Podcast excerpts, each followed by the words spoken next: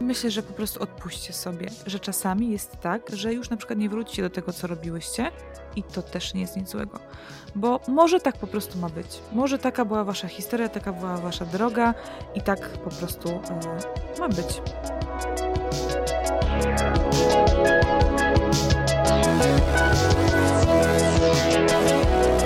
Witaj u Janoszuk.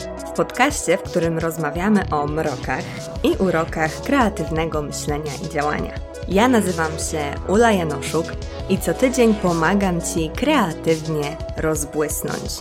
U Janoszuk to bezpieczne miejsce na rozwój, przekonania i presję zostaw więc za drzwiami i rozgość się w atmosferze wzajemnego wsparcia z moją dzisiejszą gościnią, haftową babą.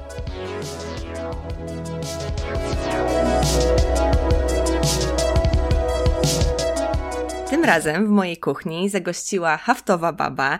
Cześć Kamila, bardzo się cieszę, że przyjęłaś zaproszenie do mojego podcastu. Witam serdecznie wszystkich słuchaczy i oczywiście Ciebie i dziękuję za zaproszenie. Jest mi niezmiernie miło tutaj być. Wspaniale. E, też mi jest bardzo miło, że możemy się spotkać i pogadać na bardzo e, fajne i ciekawe tematy. W pierwszej części oczywiście będziesz odpowiadała na pytania, które zadaję wszystkim gościniom tej e, podcastowej kuchni, ale w drugiej będziemy rozmawiać na temat, który zaproponowałaś. Jest to temat, który mnie szalenie bawi, szczególnie jego nazewnictwo, czyli kreatywne zatwardzenie. I e, jest to taka Twoja nazwa na e, blokadę twórczą, ale uważam, że jest e, bardzo interesująca i na pewno będę Cię prosiła o mm, wyjaśnienie, skąd pochodzi właśnie takie określenie. Ale zanim to, to potrzymamy jeszcze trochę w napięciu nasze słuchaczki naszych słuchaczy i zaczniemy od standardowych pytań, czyli od pytania pierwszego: kim jesteś? Tak jak już mówiłaś, e, jestem haftową babą. E, mam na imię Kamila e, i prowadzę swoje social media właśnie pod moim pseudonimem. Wszystko zaczęło się od haftu, natomiast im dalej w las, tym okazało się, że też inne kategorie rękodzieła mnie kręcą. I tak na ten moment głównie oczywiście zajmuję się haftem płaskim, realistycznym, ale też ostatnio coraz mocniej wkręcam się w szydełkowanie, czy w chociażby w punch needle i moim takim wewnętrznym marzeniem jest po prostu zostać tekstil artist, mm -hmm. czyli mhm. zajmować się w ogóle działalnością artystyczną, ale taką, która się po prostu objawia tylko w postaci tych tekstylnych rzeczy, jak mm -hmm. muliny, włóczki, materiały, no wszystko, co jest takie mięciutkie i puchate. Super, fantastycznie. E, ta puchatość jest e, tą częścią twojej tożsamości twórczej, to jest fantastyczne. E, super, super jest to, że właśnie tak jak mówisz, zaczynałaś od tego haftu płaskiego, a teraz masz apetyt na coraz więcej i na coraz to kolejne sfery twórczych działań. Świetne to jest. Ja obserwując Cię na Instagramie widzę właśnie kolejne jakieś sfery Twojego twórczego działania, więc myślę, że dużo fajnych przygód jeszcze przed Tobą i super jest móc e, je z Tobą śledzić. Przechodząc do kolejnego pytania, chciałabym Cię zapytać, od kiedy działasz kreatywnie i kiedy zdałaś sobie z tego sprawę? E, no i tutaj e, tak naprawdę, jak zastanawiałam się nad tym pytaniem, które nie ukrywam, że było dla mnie dosyć trudne, mm-hmm. to zdałam sobie sprawę, że ja y, od zawsze zajmuję się kreatywnością. Nie było mm-hmm. momentu, kiedy ona się zaczęła albo weszła jakoś w moje życie, tylko ona była ze mną zawsze. Niezależnie od tego, jaki zawód wcześniej wykonywałam, no bo teraz jakby mam swoją firmę i mogę sobie pozwolić też na robienie więcej szalonych rzeczy, mm-hmm. bardziej kreatywnych, ale pracowałam też jako visual merchandiser, czyli dla niewtajemniczonych zajmowałam się dekorowaniem sklepów e, odzieżowych e, dla różnych marek. E, pracowałam też jako stylistka, jako kostiumograf, więc ja tak naprawdę zawsze gdzieś pracowałam kreatywnie. Mm -hmm. U mnie mhm. ta kreatywność była zawsze od dziecka ze mną.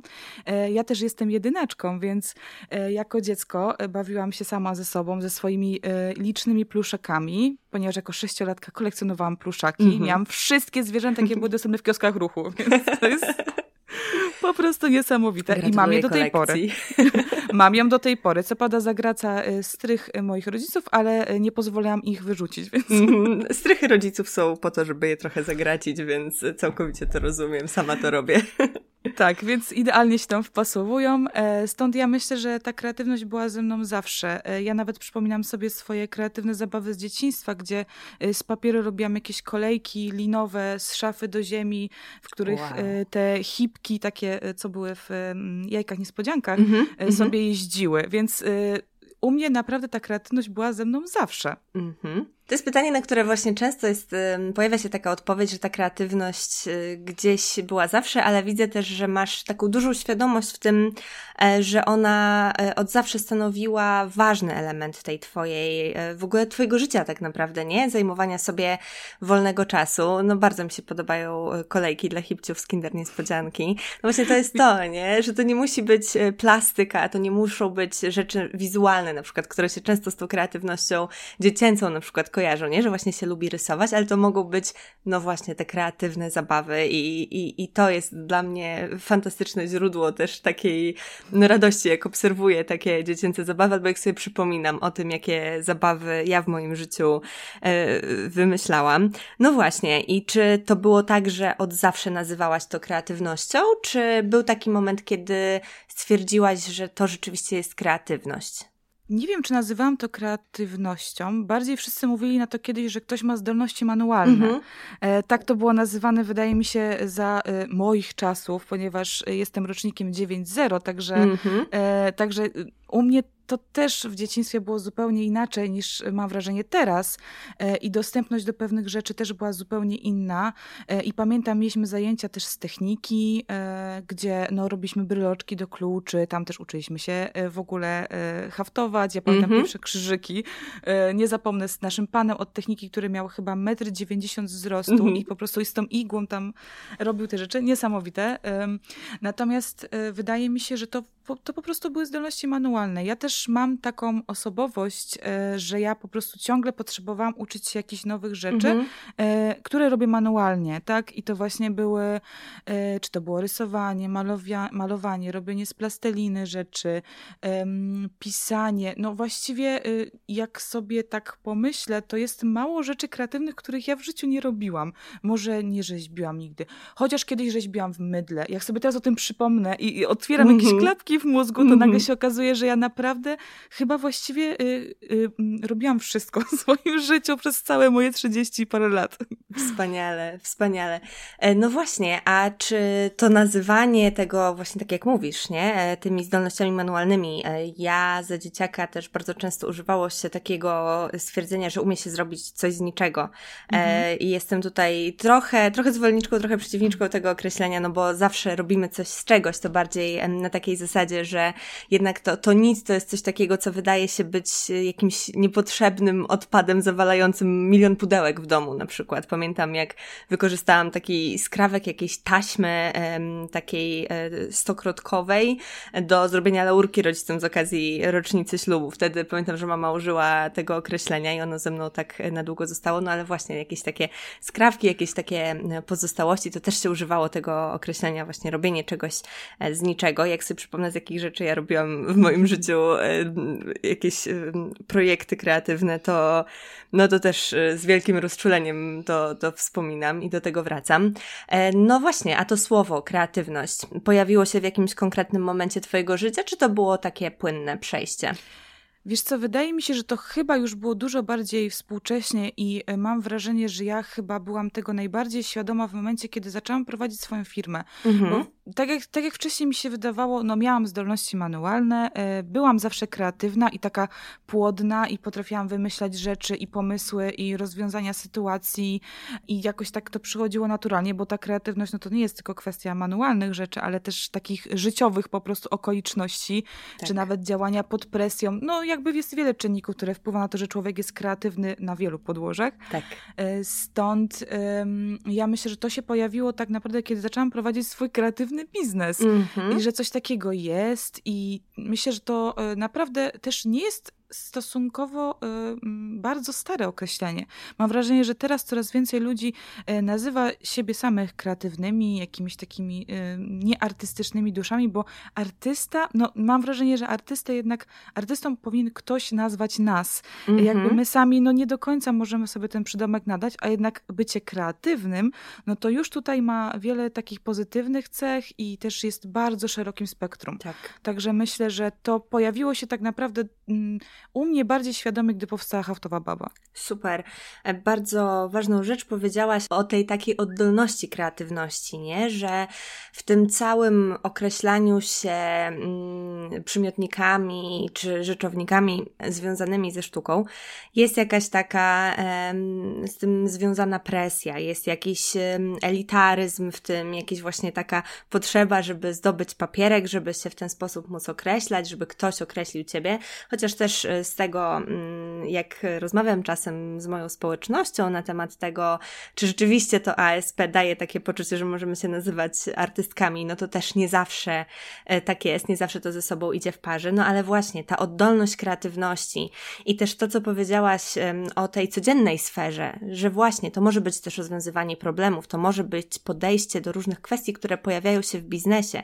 I myślę, że to jest też e, strasznie fajne, że u Ciebie to przyszło z tym biznesem, bo to pokazuje, że mimo tej łatwości w pracach manualnych, mimo tego, że jakieś tam przejawy były, to ten biznes też rozszerzył to Twoje spojrzenie, e, tak, tak przynajmniej wyczuwam, rozszerzył to Twoje spojrzenie na to, w jak wielu sferach kreatywność może się przydawać. I ja bardzo się cieszę z tego, że no właśnie to określenie coraz częściej z coraz większą odwagą i świadomością pojawia się w mówieniu o sobie u różnych osób. No bo właśnie, kreatywność to jest coś takiego, co możemy, niezależnie od tego, co robimy, praktykować i działać właśnie zgodnie i, i współpracować w zasadzie e, z tą naszą e, umiejętnością i ją rozwijać. Także super, że wspomniałaś o tej sferze tych szerokich, tego, o tym szerokim polu, w którym kreatywność może nam się przydawać, zarówno na co dzień, ale właśnie też w biznesie, w pracy, nie tylko w sztuce, nie tylko w hafcie, nie tylko w takich naszych około na przykład plastycznych, nie? Tak jak to już dzisiaj e, wspominałam, sferach działań. Zdecydowanie. W ogóle kreatywność moim zdaniem nie ma granic i kiedyś też y, słyszałam takie określenie, że kreatywność jest jak mięsień mm -hmm. i można go wyćwiczyć i ja myślę, że ja chyba jestem jednym z najlepszych przykładów y, że faktycznie może tak być, bo jakby ja od dziecka trenowałam ten mięsień, inne nie, ale ten kreatywnie bardzo dobrze, więc... Nie można to, wytrenować to... wszystkich bez przesady. Dokładnie, nie można mieć wszystkiego, umówmy się, ja się skupiłam na kreatywności i jak patrzę przez to wszystko, to widzę, że ja po prostu przez całe te 30 lat naprawdę dochodziłam do tego momentu, w którym jestem e, i ja ciągle jeszcze chcę więcej. Mm -hmm. To mhm. jest tak, że każda, u mnie każda kolejna rzecz, e, nauka jakby nowej dziedziny, e, akurat w moim przypadku rękodzieła, nie wiem dlaczego tak się uparłam. Po prostu ona mi daje jakąś taką możliwość upustu artystycznego i to jest super dla mnie i to mi po prostu spasowało. Natomiast wiem, że, że to mnie podsyca. Każda kolejna rzecz, której ja się uczę, od razu otwieram jakieś klapki w głowie i ja sam się, o dobra, teraz będę robić to. Mm -hmm. A mhm. jak się nauczę tego, to będę mogła zrobić tamto. I to jest dla mnie niesamowite i ja też tego się nauczyłam po obserwacji samej siebie. Po prostu, tak zwyczajnie, prozaicznie. Super. No właśnie, apetyt, jak to się mówi, rośnie w miarę jedzenia i im więcej też różnych kreatywnych i nie tylko, w ogóle im więcej doświadczeń życiowych e, zdobywamy, tym ta kreatywność ma większe pole do tego właśnie, żeby z, z, z czegoś czerpać. I to jest niesamowite, jak różne sfery naszego życia, naszych projektów m, mm, zaczynają nagle się ze sobą łączyć i powstają zupełnie nowe rzeczy, o których wcześniej nie myślałyśmy, że mogą e, powstać. To jest, to jest super i cieszę się też, że tak to w Twoim doświadczeniu wyraźnie dostrzegasz. Tak, ja to wyraźnie czuję, wyraźnie dostrzegam i też lubię to podkreślać, że to jest proces i nikt nie urodził się z nas od razu z genialnym pomysłem na stworzenie czegoś od zera, e, tylko to jest, to jest proces, naprawdę. Powstawanie różnych e, produktów, ludzi, którzy odniosą, odnoszą sukcesy na różnych polach y, artystyczno-rękodzielniczych, są wynikiem tego, że po prostu próbowali, próbowali i w końcu siadło. No tak y, po prostu mówiąc tutaj kolokwialnie, ale naprawdę to po prostu czasami musi zażreć, ale też musi swoje odsiedzieć, nie? Więc to tak. w ogóle powinien być proces. To musi być proces, naprawdę. To się nigdy nie dzieje na pstryknięcie palcem. Tak, oj, bardzo. To, to miód na moje serce, te słowa, naprawdę, bo ja też Trochę czasu mi zajęło, żeby zrozumieć, jak bardzo to jest proces, jak bardzo kreatywność jest procesem, ale teraz nie wyobrażam sobie myślenia o niej w żaden inny sposób, bo często określamy mianem e, kreatywnego efekt jakichś działań. Mówimy, że o, to mhm. jest e, kreatywna książka, to jest kreatywny haft, to jest kreatywne coś tam. No ale to nie jest tak, że ta rzecz jest kreatywna.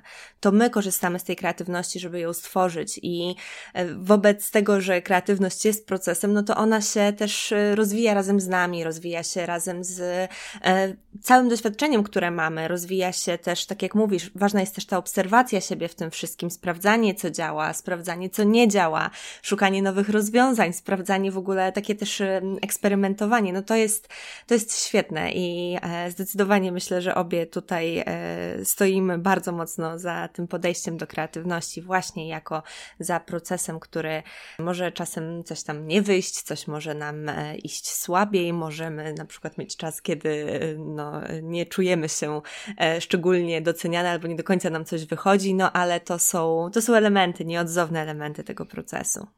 Dokładnie tak. I jakby też y, jest takie określenie, mówi się o jakiejś wenie artystycznej, E, o jakichś zrywach, porywach e, e, artystycznego działania. I ja w ogóle mam wrażenie, że to nie ma nic wspólnego z kreatywnością. Mhm. Moim odczuciu. To jest chwila, moment, tak? A kreatywność jest z nami zawsze i czasem nawet jeśli nasz pomysł wydaje się kompletnie głupi, ale możemy go zapisać, gdzieś sobie go nawet naszkicować, zrobić jakiś projekt, prototyp i wrócić do niego za 50 lat i może się okazać, że jest genialny i wtedy go zrobić jeszcze lepiej, bo mamy jakieś swoje możliwości, dodatkowe umiejętności, które nam na to pozwolą. No tak jest na przykład z rękodziełem. Rękodzieło jest takie, mhm. że tutaj się nie da od razu być y, najlepszym. Rękodzieło jest po prostu naprawdę trzeba tutaj schodek po schodku. Rękodzieło uczy tak ogromnej cierpliwości w dochodzeniu do procesu, żeby to było tak, jak my chcemy, żeby wyglądało, że myślę, że nawet jest dużo łatwiej w malarstwie to osiągnąć niż, niż w hafcie. Przy czym w hafcie, ja zawsze podkreślam, z każdym kolejnym ściegiem jest łatwiej, jest prościej, jest równiej i jest lepiej. Więc yy, rękodzieło chyba jest... Yy, chyba było dla mnie takim lekarstwem na to, że jak malowałam, rysowałam, rzeźbiłam, to nie było to dokładnie tak, jakbym chciała, żeby było, a w mhm. rękodziele udało mi się to jakoś tak po prostu wszystko te nitki pomotać, że, że jest super. Tak, trzeba, potrzeba trochę czasu, żeby się nauczyć, ale można dojść do takiego efektu, jaki masz w głowie. To wydaje się super mm, właśnie w tym, co opowiadasz o rękodzielniczym procesie. A powiedz, dlaczego zdecydowałaś się korzystać z kreatywności w swoich działaniach? I to jest znowu kolejne trudne pytanie. Ja myślę, że y, ja chyba nie potrafiłam już dłużej inaczej funkcjonować. Y, pracując mhm. na etacie, y, gdzieś tam w różnych mniejszych bądź większych korporacjach, ja się po prostu tłamsiłam i czułam, że brakuje mi tego czasu na, na kreatywne działania i rozwiązaniem było po prostu zostanie freelancerem. Mhm. I ja po prostu wiem, jak bardzo było mi źle przed tym momentem, gdy, gdy nie prowadziłam swojej firmy i nie miałam tyle czasu, e, po prostu haftowanie. Teraz mam na przykład taką wymówkę, że w ciągu dnia, dobra, to ja dzisiaj nie pracuję na komputerze, dzisiaj siadam i robię coś rękami. A kiedyś to był tylko i wyłącznie czas po pracy, którego zawsze było mało, no bo jednak e, mhm. e, ja też pracowałam często bardzo w usługach, więc e, miałam bardzo dużo kontaktu z ludźmi. No już nie mówię o pracy na planach, która trwa od 12, 14, 16 godzin dziennie, gdzie mhm. ja właściwie plany odchorowywałam pracowałam y, dwa razy tyle, co trwały. Także po prostu mm, to było przebodźcowanie mm, wszystkim z zewnątrz i dla mnie, nie ukrywam, że pewnego rodzaju zbawieniem była pandemia. Jakkolwiek to teraz nie mhm. zabrzmi, z perspektywy czasu, e, dla mnie i dla mojego biznesu i dla tego, co teraz robię i jak to robię, to było po prostu y, strzałem w dziesiątkę. Naprawdę, ja mhm. to mówię z pełną premedytacją. Wiesz, wydaje mi się, że dla wielu osób e, pandemia była jakimś bodźcem, nie? Do tego, żeby coś zmienić w swoim życiu. Często przyspieszyła decyzje, które już gdzieś chodziły po głowie. E, często to było nieuniknione, e, związane z tym, że na przykład jakąś pracę traciłyśmy, traciliśmy i no, może to się wydawało trudne, ale bardzo często gdzieś tak z takich rozmów, zarówno w podcaście, jak i poza nim, mam wrażenie, że no ten bodziec y, pandemii bardzo wiele mm, popchnął do przodu w y, przypadkach wielu osób, więc myślę, że można tutaj e, bez wstydu o tym mówić, no bo e, no są to trudne okoliczności, no ale z drugiej strony no kreatywność też polega na tym, żeby trudne okoliczności, żeby sobie z nimi poradzić, żeby rozwiązać jakiś problem, który się pojawia też przy jej pomocy. Mm, też bardzo jest dla mnie w Twojej odpowiedzi interesujące to, że mimo tego, że kreatywność była w tej sferze, tak jak sama mówiłaś, tych Twojej pracy, tych zadań, które wykonywałaś, czy to właśnie visual merchandising, czy, e, czy praca na planach jako kostiumografka, to że tam był ten aspekt kreatywności w tej takiej warstwie wykonywania konkretnego procesu, konkretnego projektu, ale nie było go w tej warstwie ogarniania swojego biznesu. I to jest bardzo ciekawe, że tutaj tego aspektu właśnie około biznesowego, około um, takiego no, organizowania sobie życia w zasadzie, że tego ci brakowało i to cię też do tej e, decyzji popchnęło. Tak, to bardzo mnie pchnęło, bo ja po prostu jestem taką osobą, że jeśli już coś zacznę, to lubię się skupiać na e, jednej rzeczy. Jeśli mhm. ja mam poczucie, że ta rzecz już sobie tam hula i ona sobie jest, to ja mam wtedy taką e, spokojniejszą głowę. I ja naprawdę stanęłam e, w wakacje 2020 roku przed wyborem, czy albo idę i pcham haftową babę do przodu, bo to się fajnie rozkręca i widzę, że to ma potencjał, albo zostaję i pracuję na dorywczych planach zdjęciowych zdjęciowych, e, gdzie tak naprawdę, no nawet tworząc kostiumy do filmów, reklam i innych sesji zdjęciowych, no to tam nie ma aż tak dużo kreatywności, jak może się z boku ludziom e, wydawać. -hmm. No mhm. bo jednak e, trzeba się naginać pod pewne ramy i określone schematy, standardy, czy to nawet zwykłe moodboardy kolorystyczne, które są podane i nie można poza pewne rzeczy wychodzić. To wiadomo, że wszystko uczy jakiejś tam kreatywności i elastyczności i też mam wrażenie, że mnie nauczyło to zupełnie innej pracy z produktem, który później sprzedawałam. E, więc e, mam cały czas takie poczucie, że, e, że to wszystko ma swój sens i jakby ma, swoje, mhm. ma swój cel, do którego, do którego dąży. Natomiast ja czułam, że muszę się skupić na jednej rzeczy. I właśnie postawiłam wszystko na jedną kartę, którą był haft, e, a że miałam takie szczęście, że mój profil już był w miarę rozhulany, e, nie był wtedy jakoś ogromny. Ja to zawsze podkreślam. Ja pamiętam, że jak ja zaczęłam sprzedawać swoje pierwsze zestawy do haftu jeszcze na działalności nierejestrowanej, to ja miałam chyba 2000 obserwatorów. Mhm. Więc dla kogoś to się może wydawać, że Jezu, że trzeba mieć tyle ludzi tam w tych social mediach. Nie, trzeba mieć po prostu pomysł na siebie, osobowość i pchać to do przodu i wierzyć w to całym całym sercem i być konsekwentnym w swoich działaniach.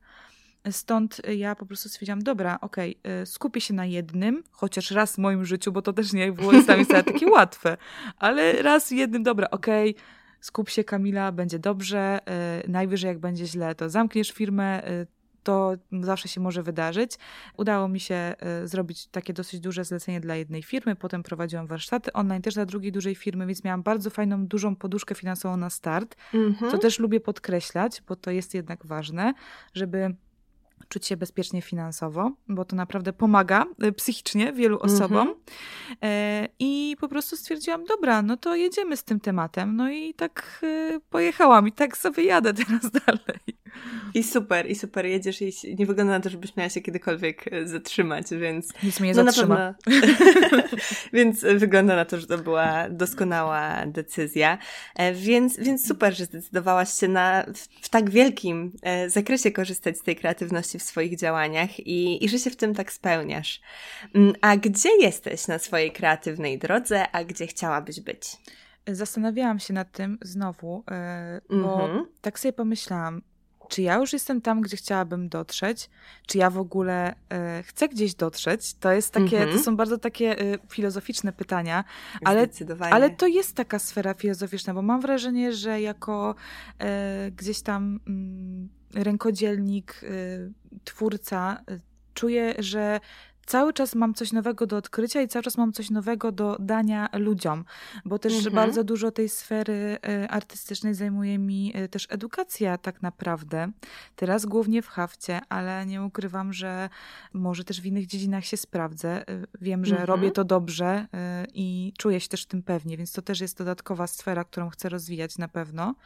Natomiast cały czas mam takie poczucie, że że jeszcze nie wymyśliłam tego czegoś takiego w 100%, co będzie już dokładnie tym, co, co sprawi, że okej, okay, powiem, dobra, to teraz już mogę tylko to robić i nic innego, bo ja po mhm. prostu czuję, że ja chyba nigdy nie będę w takim momencie. Ja zawsze będę podsycać, zawsze będę chciała więcej, zawsze będę chciała się nauczyć czegoś, czegoś nowego, zawsze będę chciała coś nowego odkryć, bo mnie to po mhm. prostu napędza.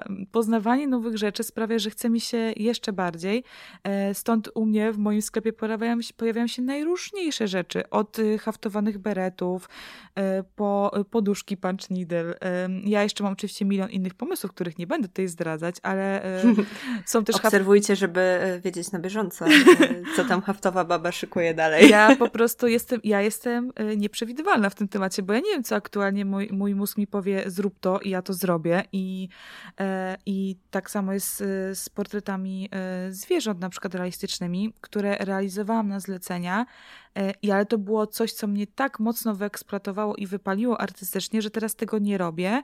Robię jeden wyjątkowy haft dla dziewczyny, która wylicytowała go w ramach pomocy ludziom z Ukrainy. I to jest zupełnie mhm. jakby inna historia. Ja to robię naprawdę z takiego poczucia, że chcę i, i bardzo to też y, komuś może pomóc, że ja mogę coś wydziabać nitkami i to mm -hmm. jest dla mnie mhm. niesamowite, ale cały czas mam takie poczucie, że ja chyba nigdy nie będę na końcu tej drogi. Ja zawsze jestem gdzieś, yy, cały czas sobie idę. Ja sobie idę, człapię, tu sobie zerwę jabłuszko, tam sobie coś zrobię i to jest takie dla mnie fajne i bezpieczne i myślę, że że chyba nigdy nie dojdę do końca tej drogi. Znaczy mam taką nadzieję. I to jest piękne i to też bardzo mi się wiąże z tym, co mówiłaś o swoim procesie w ogóle i z, z tą twoją świadomością procesu, nie? Że e, tak naprawdę dojście do jakiegoś miejsca byłoby zaprzeczeniem całej tej e, filozofii procesu, nie? Są oczywiście takie punkty w przyszłości, do których chcemy dążyć, jakieś e, projekty, które chcemy zrealizować, to się pojawia, ale no właśnie, pojawia się i bardzo często, kiedy się pojawi, kiedy już do tego dojdziemy, to pojawia się no jednak dalsza część tej drogi, nie? Że to nie jest ślepa uliczka, że to nie jest tak, że ten punkt y, to jest jakaś kłoda, która po prostu wyznacza moment naszego absolutnego spełnienia i nic już poza tym możemy robić tylko tą jedną rzecz. No bo właśnie kreatywność bardzo mocno opiera się też na rozwoju i to, że robimy kolejną rzecz, jesteśmy w stanie zrealizować kolejny projekt, to w momencie, kiedy go realizujemy, to pojawiają się kolejne rzeczy w naszej głowie, więc to jest piękne, że ta droga może być po prostu taką drogą, e, eksploracji i niekoniecznie musi być dążeniem do e, jakiegoś jednego miejsca. Tych miejsc też może być dużo, e, dużo różnych odnóg może się pojawić.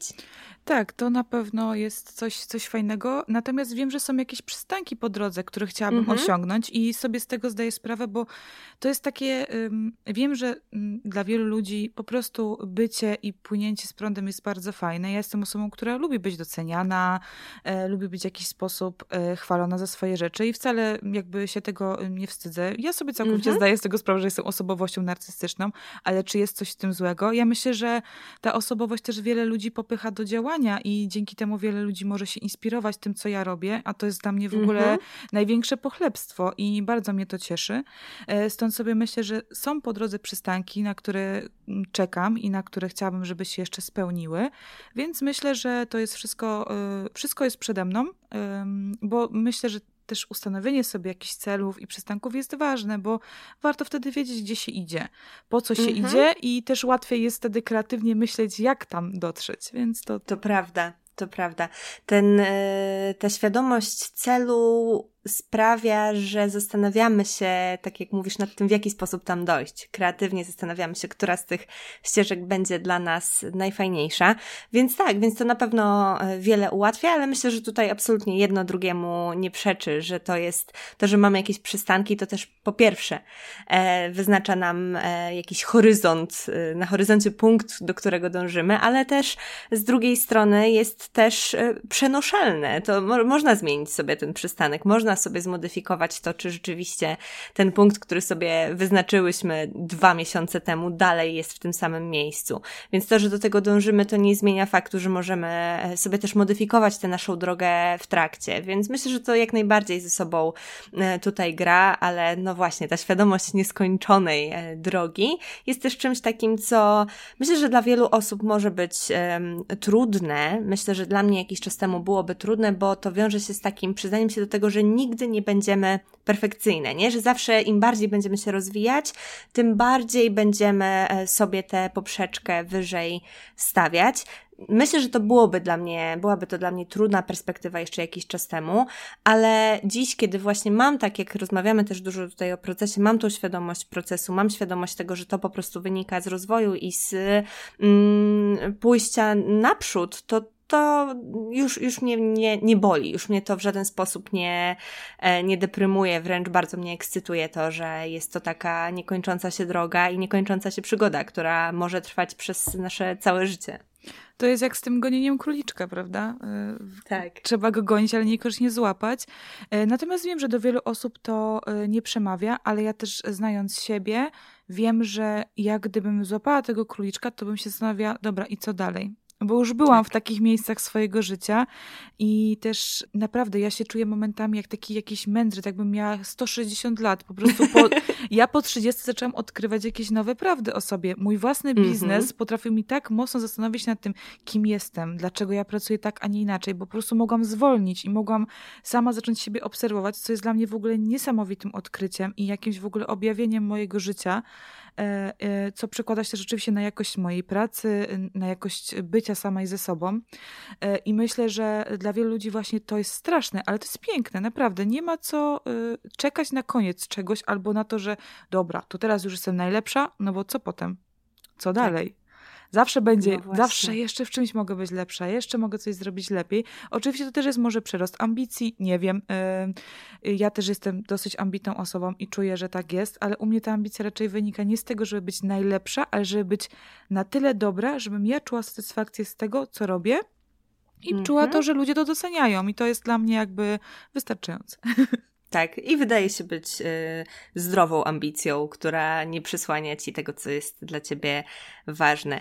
Tak przyszło mi do głowy, że no właśnie, nawet jeżeli byś złapała tego króliczka, to pewnie gdzieś y, pojawiłaby się między drzewami łania, którą byś po prostu zaczęła gonić. Kolejny Dokładnie. po prostu projekt, który by cię kusił. No i super, i myślę, że dużo osób może czerpać tą inspirację też, o której mówiłaś. To też jest coś takiego, co mnie zawsze bardzo porusza, kiedy zdaję sobie sprawę, że czy to rozmowy w serii od kuchni, czy to jakiekolwiek moje działania wokół kreatywności inspirują. To jest dla mnie chyba największy komplement, jaki się w ogóle jest w stanie pojawić e, w wiadomościach od osób, które mm, w tej mojej społeczności są, że, że, że ta inspiracja, nie? Że to jest coś takiego, e, coś dla mnie bardziej e, nobilitującego niż stwierdzenie, że coś, co zrobiłam jest na przykład ładne albo dobre, nie? Jeżeli jestem w stanie czymś, co robię, zainspirować kogoś do działania, to jest dla mnie olbrzymi sukces. To jest w ogóle niesamowite uczucie. Ja y, jeszcze jakiś czas temu, jak słyszałam na przykład, y, słyszałam, jak czytałam wiadomości od ludzi, że,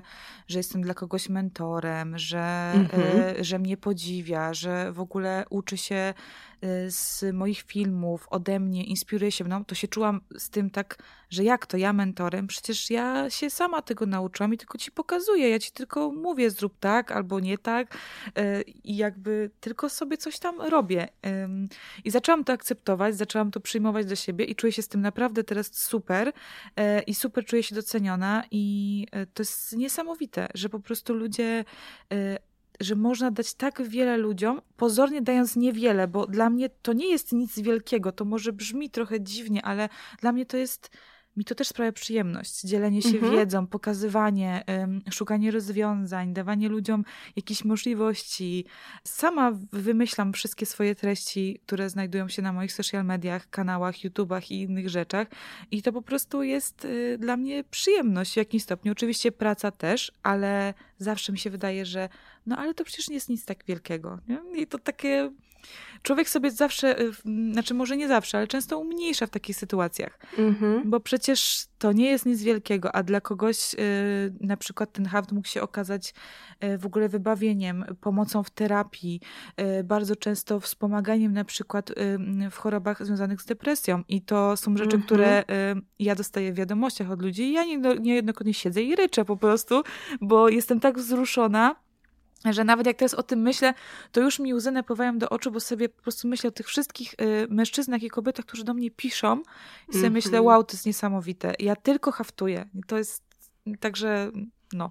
Tak, to że, to, że coś jest dla nas łatwe i przyjemne, to, to wcale nie znaczy, że e, nie może komuś pomóc, nie?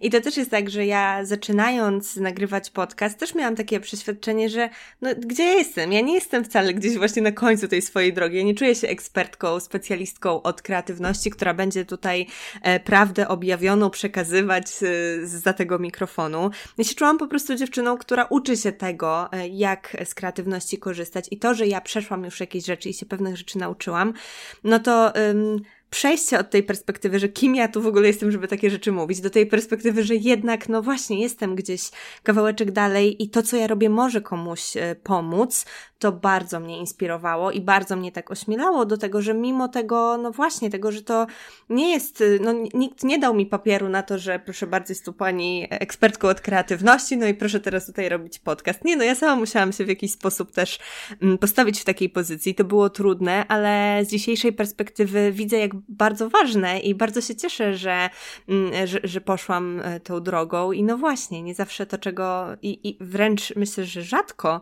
jest tak, że musimy skończyć jakieś e, wielkie um, uczelnie i dostać jakieś bardzo ważne podstemplowane papiery, żeby móc przekazywać tę swoją wiedzę.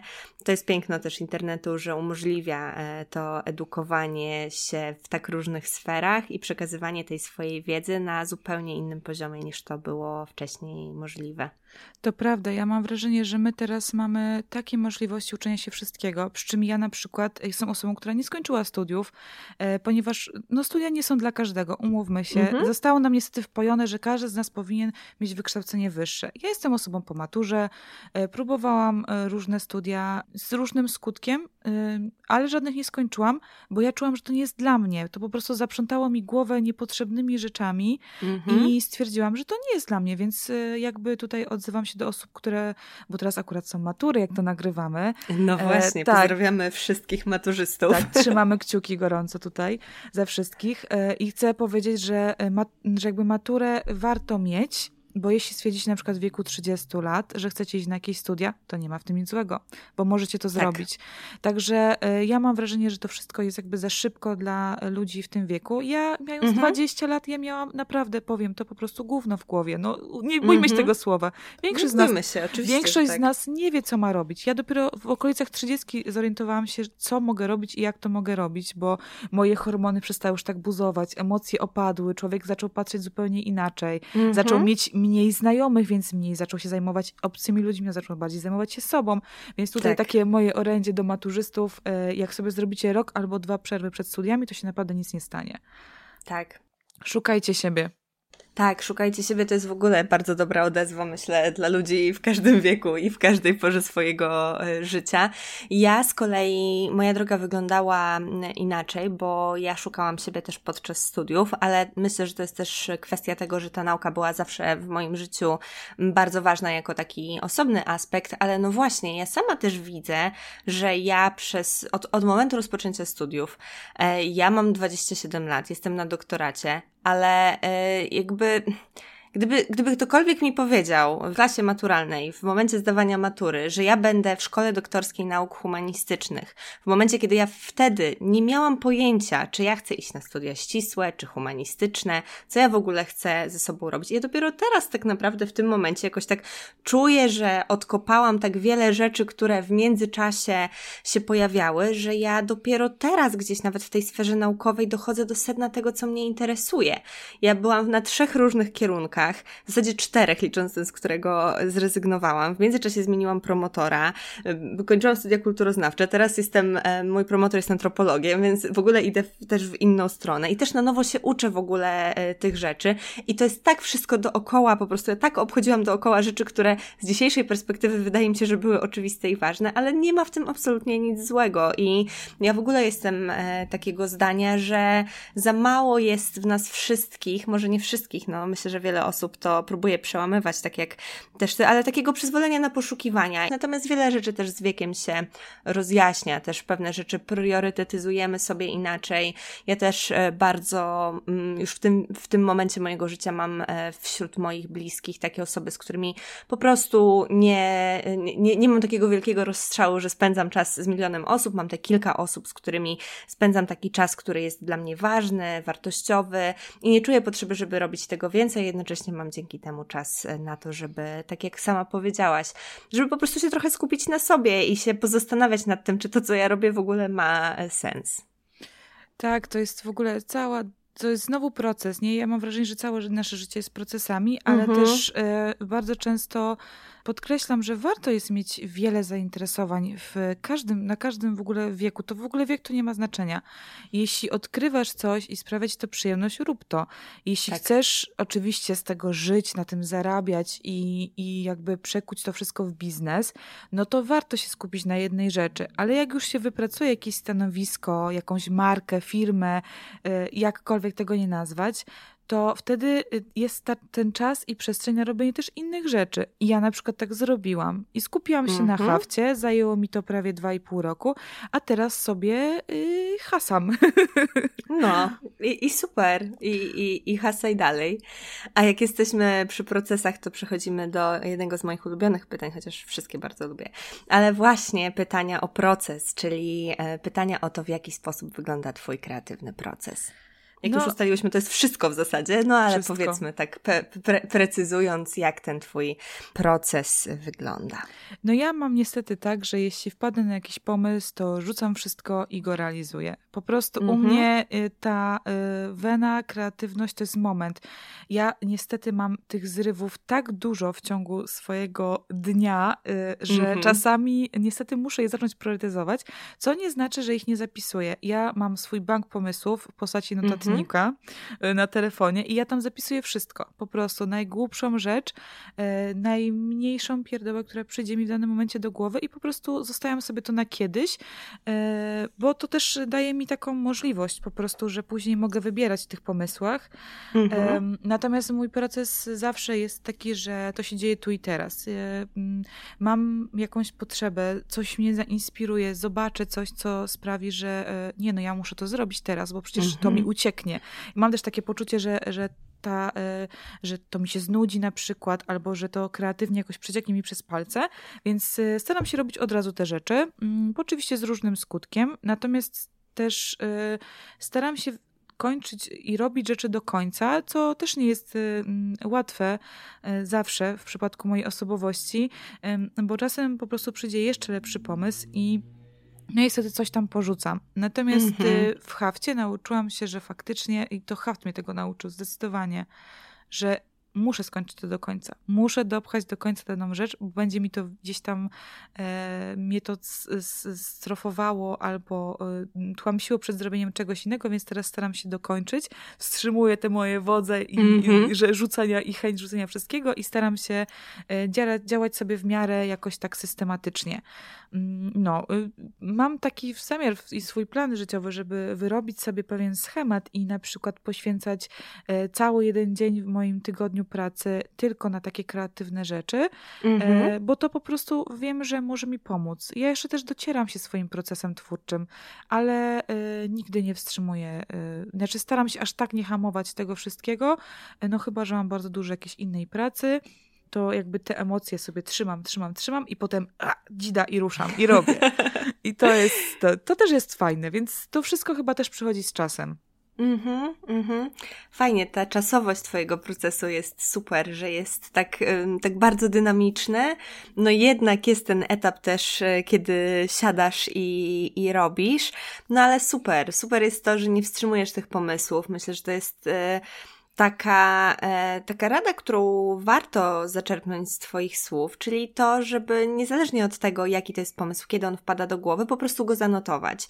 Wiadomo, że są, są różne okoliczności w naszym życiu, mamy na przykład sesję na uczelni, e, która powstrzymuje nas przed tym, żeby e, robić cokolwiek innego oprócz uczenia się. Tak było w moim przypadku, wiem, że nie jest w każdym, ale, e, ale są takie momenty w życiu, kiedy nie jesteśmy w stanie się na to poświęcić, jakiś projekt w pracy, cokolwiek. Ale kiedy już przychodzi ten czas, że możemy sobie odsapnąć i możemy się poświęcić tym naszym projektom, to fajnie wtedy mieć tą, tak jak powiedziałaś, bazę pomysłów, bazę różnych inspiracji. No wiadomo, pewne się trochę dezaktualizują, trochę ewoluują w różne strony, ale ostatecznie to jest moim zdaniem też mega ważne. Ja też to bardzo lubię praktykować, że gdzieś tam cały czas sobie notuję, co chciałabym zrobić i później, kiedy mogę to robić, to to robię, chociaż też taka możliwość zrobienia czegoś od razu jest super. Działania właśnie, tak jak, tak jak powiedziałaś, sama wena nie jest czymś, moim zdaniem, nie jest esencją kreatywności, nie jest kluczowa w kreatywności.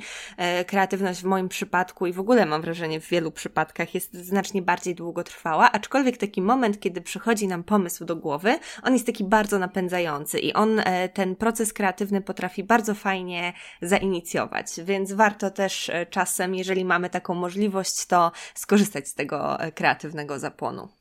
Tak, jest coś w tym takiego y, magicznego, że y, jakby ja też nie lubię takich utartych schematów. Y, lubię czasem sobie y, gdzieś tam działać według jakiegoś swojego planu, ale też jestem taką, jestem trochę chaotyczną osobą w swoich działaniach. Mhm. Wiem, że z boku to może wyglądać na to, że ja robię tak wiele rzeczy i w ogóle y, i że mam jakiś plan na to, ale mm, często ludzi wyprowadzą z błędu, bo wcale tak nie jest. Mhm. Więc gdzieś w tym moim chaosie jest metoda.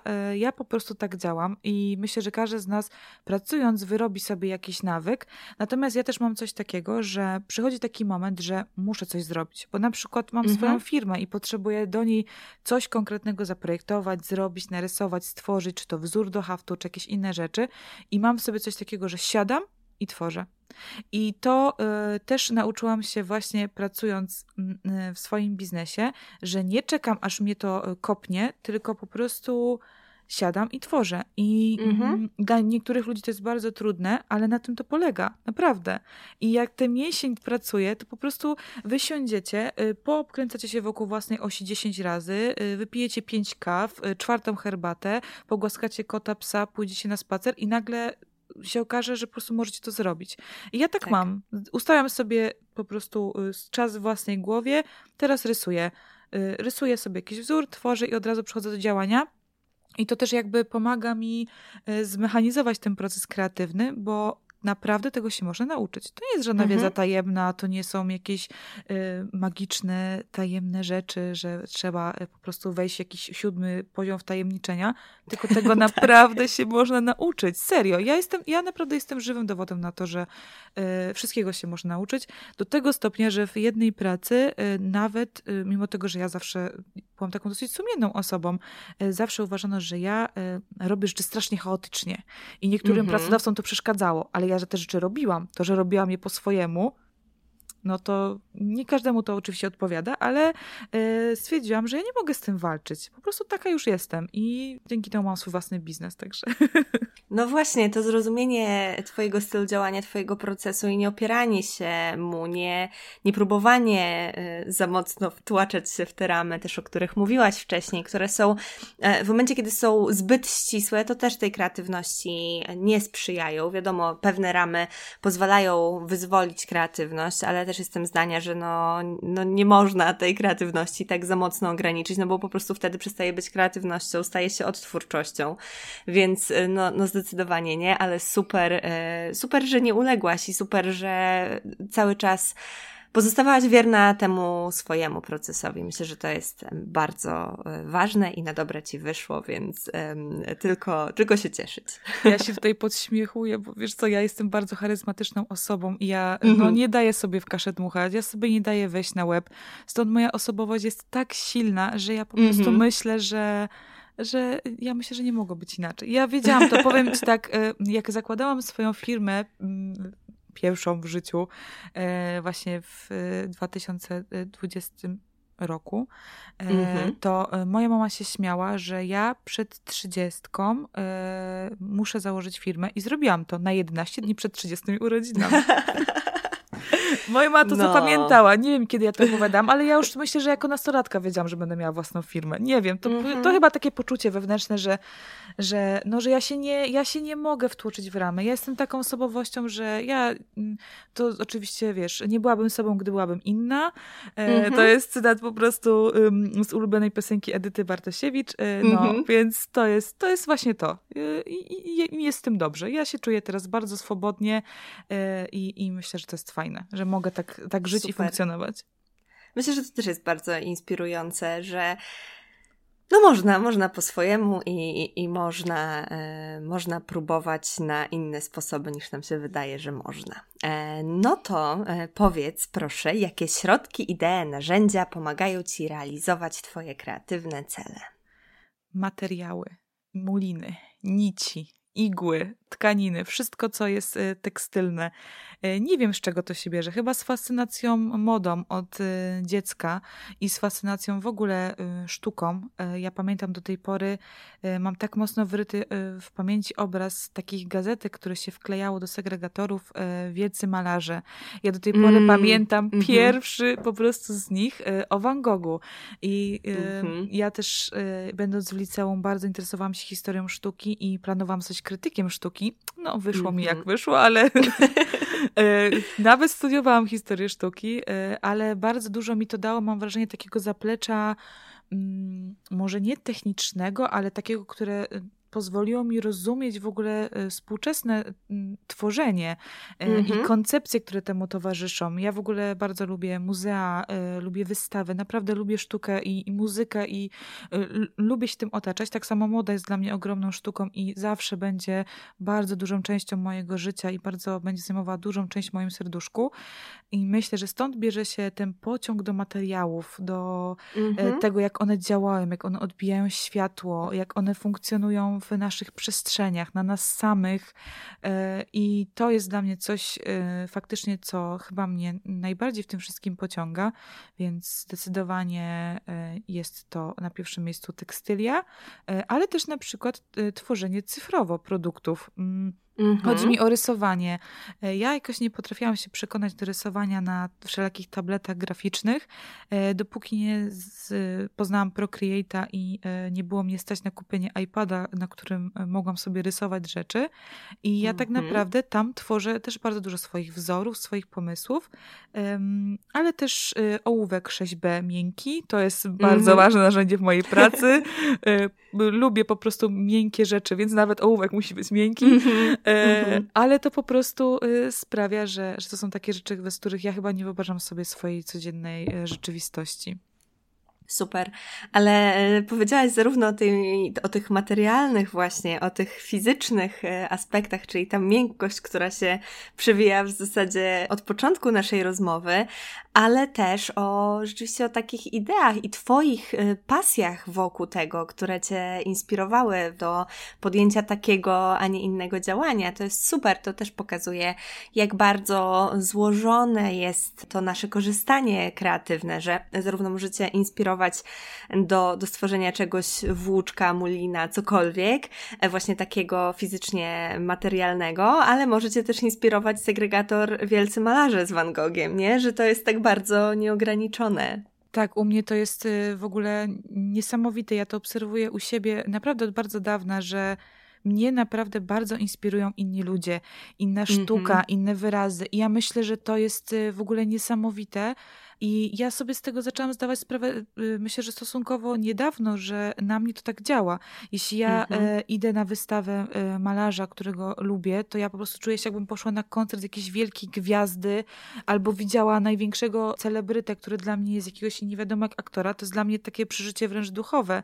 Mhm. Do tego stopnia, że e, moja fascynacja e, Van Gogiem i jego słonecznikami, które są, ja, to jest totalne oklepanie popkultura, ale coś niesamowitego jakby stoi za tym niesamowita historia sztuki i dziedzictwa kulturowego, ale ja do tej pory pamiętam, jak w wieku 14 lat byłam w muzeum e, w Londynie i widziałam ten obraz na żywo. To były największe po prostu emocje. Ja do tej pory pamiętam, jak waliło mi serce, jakie mm -hmm. było moje zdziwienie, gdzie zobaczyłam, że te kolory nie są tak żywe, jak na wszystkich reprodukcjach, które sprzedają. Mm -hmm. I to było dla mnie takie zderzenie z rzeczywistością e, i sobie pomyślałam, że to jest coś niesamowitego, e, być tak wielkim artystą i tworzyć takie wielkie idee, które za tym idą, no bo to, to, jest, to jest naprawdę coś ekstra. Także ja myślę, że mnie po prostu wszystko inspiruje, ludzie mnie inspirują. E, czasami wystarczy jakaś rozmowa, ktoś rzuci jakiś tekst i ja mam pomysł w głowie, to mm. też jakby wynika z moich naturalnych predyspozycji i po prostu mam taką osobowość, że ja potrafię y, zrobić coś z niczego. tak jest. tak, ale wymyślam rzeczy po prostu na bieżąco, nie? Mój mózg mm -hmm. tak po prostu funkcjonuje i ja wymyślam rzeczy na bieżąco, więc y, nie wiem, czy to jest kwestia tego, że od dziecka musiałam być kreatywna, bo byłam e, jedynaczką i bardzo dużo rzeczy sama sobie wymyślałam, zabaw, mm -hmm. e, czy y, rozmawiania ze sobą, e, no jakichś takich sytuacji, czy po prostu tak już mam, bo tak mój mózg działa. Nie wiem. Mm -hmm. Ale tak masz, więc to jest super.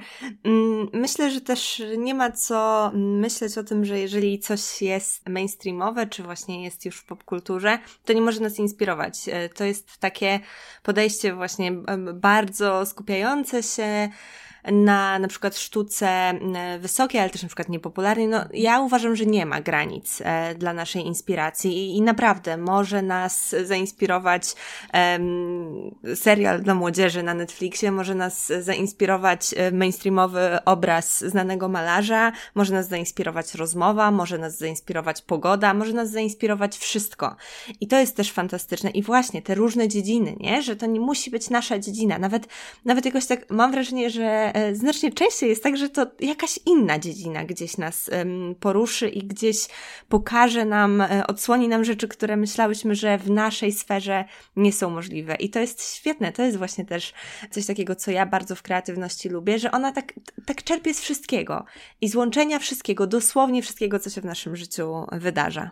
Tak, zdecydowanie i myślę, że to też otwarcie sobie głowy na takie sytuacje jest super, bo jakby zamykanie się na przykład tylko w jednej dziedzinie, w jednej branży i oglądanie pewnych rzeczy związanych jakby tylko z jedną kategorią, która nas interesuje, też nas w jakiś sposób może ograniczyć, mhm. a korzystając z wielu różnych innych mediów, y, tworów, to naprawdę można wiele fajnego stworzyć. E, ja na przykład też bardzo mocno inspiruję się naturą. Ja po prostu kocham mhm. zwierzątka. Jakkolwiek to nie brzmi, kocham zwierzątka, e, kocham lisy, kocham sikorki. One się ciągle, ale to ciągle przewijają w mojej twórczości, bo to po prostu jest coś, co sprawia mi przyjemność. A mhm. ja myślę, że trzeba e, kreatywnie działać też z przyjemnością, no bo za karę to nic dobrego nie powstaje.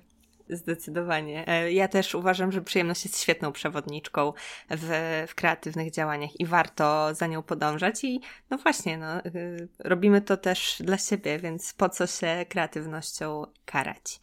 No to przechodząc do już przedostatniego pytania e, z tej części, powiedz, co jest dla Ciebie najgorszym, a co najlepszym aspektem kreatywności. I znowu jest kolejne trudne pytanie. Nie, ale... Same trudne u mnie są niestety. Same trudne, ale same takie, nad którymi naprawdę trzeba się zastanowić. E, co jest dla mnie najtrudniejsze w kreatywności? Mm -hmm. Zdecydowanie chyba to, że czasem e, jest mnie może troszkę przytłacza. E, mhm. Czasem jest tego za dużo, chciałabym zrobić za wiele rzeczy, mam za wiele inspiracji i ja wiem, że dla niektórych to będzie brzmiało, że ojej, ale ci zazdroszczę, bo ty masz tyle tej kreatywności, a ja nie mam nic i to też jest y, w drugą stronę niestety nie działa tak dobrze, bo po prostu ja sama nie wiem, na czym mam się skupić, od czego mam mhm. zacząć, czy robić to, czy tamto i to czasem mnie po prostu wprowadza w takie e, zakłopotanie i taką, e, no mam jakąś tam blokadę przed tym, żeby, żeby robić wszystko wszystko naraz. Więc to jest na pewno jakiś tam minus i czuję, że czasem y, mnie to po prostu przytłacza. Moja własna mhm. kreatywność i moje własne aż nadto wymyślanie rzeczy wokół siebie. A co jest dla mnie taką y, najważniejszą rzeczą? Mogę powiedzieć, że dokładnie to samo, co jest minusem. tak, takie sytuacje się zdarzają. Nie, ale tak, ale tak jeszcze myśląc o tym, to myślę, że najfajniejsze jest to, że mogę się nią dzielić z innymi ludźmi. Mhm. Ja takie poczucie takiej y, jakiejś y, tworzenia grupy społecznej, jakiejś takiej tożsamości, tego, że ludzie się tym inspirują, że tak wiele mogę dać innym z siebie poprzez to, że ja jestem kreatywna aż nadto, że mogę pomóc i też innym na przykład podrzucić jakiś pomysł, wymyślić coś, e, albo po prostu podpowiedzieć, którą drogą pójść, albo jak coś przetworzyć, żeby było jeszcze lepsze, jeszcze, jeszcze mm, jakieś tam fajniejsze to to jest dla mnie taki, taki plus, że mogę się po prostu tym dzielić z innymi ludźmi i ich inspirować. Piękne. Masz, masz tyle, że możesz się właśnie tym jeszcze z innymi dzielić. Super i super, że to robisz. Myślę, że wiele osób to docenia. No i ostatnie pytanie, a w zasadzie zdanie do dokończenia. Od kuchni jestem i określenie, jaka jesteś od kuchni. Bałaganiara, chaotyczna, haftowa baba. Pięknie, to myślę, że bardzo dobrze też spaja to, co mówiłaś o sobie, o swoim procesie, o, o wszystkim, co robisz e, w tej pierwszej części. Więc yy, tak, no, wyłania się taki obraz, ale Myślę, że też mimo wszystko pozytywny, że ten bałagan i chaos to mimo tego, że się kojarzą gdzieś tam negatywnie w naszej kulturze, to jednak e, bez, bez chaosu, bez bałaganu e, kreatywność trochę inaczej jednak funkcjonuje. Nie ma w tym absolutnie nic złego i ja też do tego doszłam po prostu po czasie, że taka jestem. I po co mam z tym walczyć, po co mam poświęcać czas na porządkowanie tego, sprzątanie, układanie, wkładanie tego do jakichś pudełeczek, szufladek, skoro jeśli to wybucha i tak za każdym razem z tej szuflady, tak. to to nie ma sensu. Czasami nie warto walczyć z pewnymi rzeczami.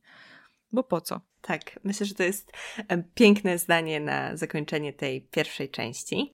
Czy ta rozmowa nie jest fascynująca? Zanim przejdziemy do jej drugiej części, mam dla Ciebie słówko od sponsora, czyli ode mnie.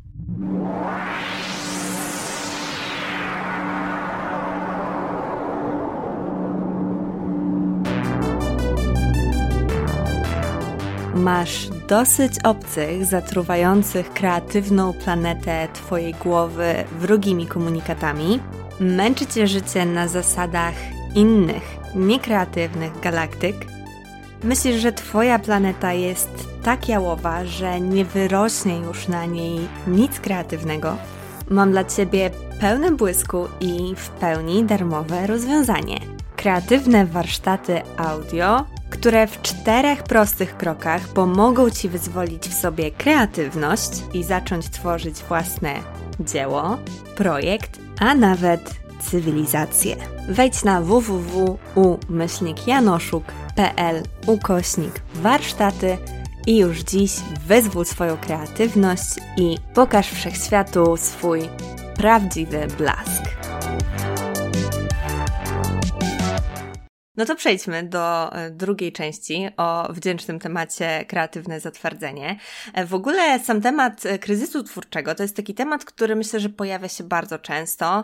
Bardzo często pojawiają się o niego pytania. Ja ten temat poruszałam w ogóle w dwunastym odcinku, czyli 100 odcinków temu i nawet sobie wróciłam do, do tego odcinka, żeby sobie go posłuchać i chciałam też w tym miejscu powiedzieć, że bardzo podziwiam osoby, które słuchają moich początkowych odcinków, bo one były znacznie mniej dynamiczne i znacznie mniej ogarnięte niż są teraz, no ale właśnie też pokazują mój rozwój i mój proces, więc dalej tam są i możecie do nich wracać. Natomiast y, zauważyłam, że tam nie było za dużo konkretów, y, Także bardzo się cieszę, że możemy dzisiaj do tego tematu wrócić i po prostu sobie razem o nim porozmawiać. I na początku chciałabym Ci zadać takie otwierające pytanie: czym u Ciebie objawia się takie kreatywne zatwardzenie? Najczęściej y, objawia się tym, że po prostu nie mam ochoty nic robić, nic tworzyć, mm. brać czegokolwiek mm-hmm. do ręki. Jedyne co, to mam siedzieć y, ochotę na telefonie i grać w jakieś y, durne y, y, gierki, które zabijają czas i po prostu nie mam ochoty tworzyć. I to jest dla mnie coś, co naprawdę wpędza mnie w, w przykry stan. E, nie chcę tego nazywać depresją, bo nie jest to depresja, ale jest to coś, co sprawia, że jest mi po prostu ze sobą źle. Ja się wtedy nudzę, nie wiem co mam zrobić zrobić z rękami i w sumie jest jakoś dziwnie mi i wtedy wiem, że coś jest nie tak i coś się dzieje, jest coś na rzeczy. Mm-hmm ja też mam takie, takie objawy.